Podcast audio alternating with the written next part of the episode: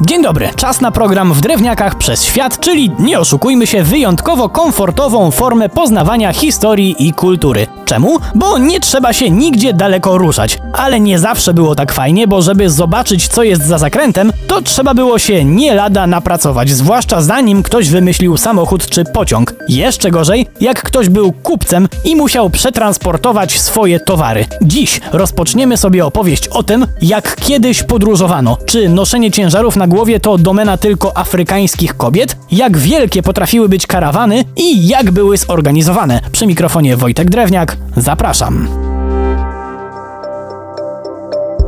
Nikogo chyba nie zdziwi stwierdzenie, że najdłuższą historię ma transport przy użyciu naszych własnych mięśni, również transport towarów. Generalnie jak słyszymy słowo tragarz, to przed oczami pojawia nam się często czarnoskóra pani niosąca na głowie niepojęcie ciężką rzecz, na przykład dzban z wodą. Skojarzenie jest w sumie słuszne, pomijając tylko fakt, że to wcale nie jest tylko obowiązek kobiet. Faceci też tak robią, tylko nam się jakiś dziwny stereotyp utarł. Jednak dziewczyna czy facet taki nizinny inny tragarz w Afryce może na głowie nieść nawet 30 kg i to w niezłym tempie 4 km na godzinę.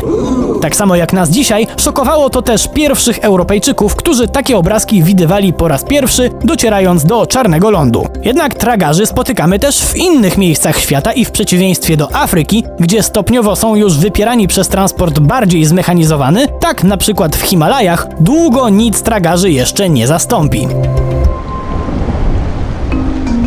Najsławniejszymi tragarzami są szerpowie. Goście są absolutnie nie do zdarcia, co już nieraz pokazali, pokonując piekielnie trudne szlaki z zagranicznymi Himalajstami, przy czym o ile przybysze z daleka mieli często tęgie problemy mimo profesjonalnego sprzętu, tak ci zahartowani górale pokonywali te trasy jakby szli po bułki. Skąd takie niesamowite umiejętności?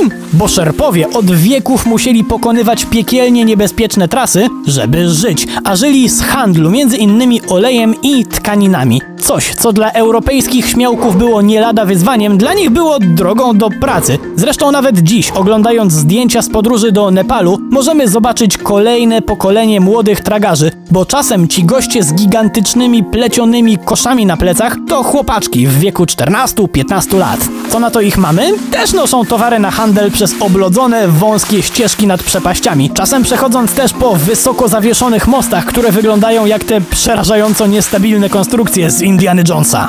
A czy w prekolumbijskiej Ameryce tragarze też byli popularni? Oczywiście, że tak i to wyjątkowo długo z dwóch powodów. Po pierwsze dlatego, że i tam całkiem sporo jest niedostępnych miejsc, gdzie inaczej nie sposób dotrzeć, a po drugie, no cóż, zwyczajnie do czasu przybycia europejskich kolonizatorów nie znano prawdopodobnie koła. No w porządku, panie Drewniak, ale miało być o podróżowaniu, a nie tylko o tragarzach porządku, ale kto powiedział, że jedno i drugie się nie łączy? Jeszcze w XVII wieku w Europie tragarze transportowali też ludzi i znowu najczęściej miało to miejsce w górach, zwłaszcza w Alpach. Takie ludzkie transporty składały się z ośmioosobowych grup. Pod górę wnosili klienta w lektyce, a jak przychodził spadek, to saniami delikatnie spuszczali go z górki i tak ze 100 razy, aż się przekroczyło górski łańcuch. Bardzo ciężka robota, nic dziwnego, że w pewnym momencie ludzie uznali, że spoko by było jakoś sobie żywot ułatwić, kosztem zwierząt najlepiej.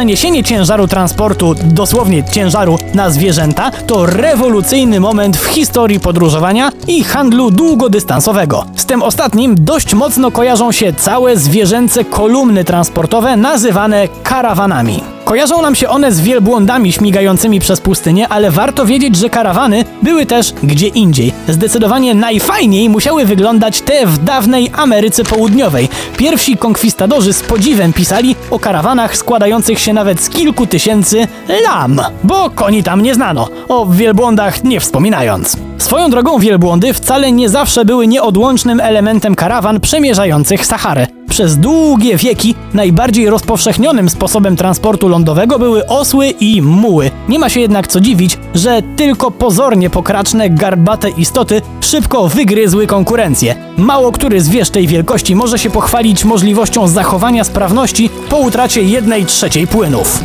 Karawana podążająca przez Saharę nie była wbrew pozorom chaotycznym marszem. Nie. Te wycieczki, które stały się jednym z symboli cywilizacji muzułmańskiej, miały swoje standardy. Zwierzaki szły przywiązane jedno za drugim w rzędach liczących około 40 sztuk. Takich rzędów było kilka, zazwyczaj trzy albo cztery. Jak duże odległości dziennie mógł taki transport pokonać? Zależy od pogody. Dało się zrobić 4-6 km na godzinę. W ciągu doby poruszano się przez 8, a jak aura sprzyjała, to i 14 godzin. Matematykę pozostawiam zainteresowanym. A jak radzono sobie z obłędnymi temperaturami? Czasie lata podróżowano nocą, zdając się na przewodników, a zimą, kiedy było nadal ciepło, ale nie aż tak, że nie idzie wytrzymać, podróżowano już w ciągu dnia. Ale w jednym i drugim przypadku trzeba było uważać. Na co? Na kogo? O tym już następnym razem. Przy mikrofonie był Wojtek Drewniak. Do usłyszenia.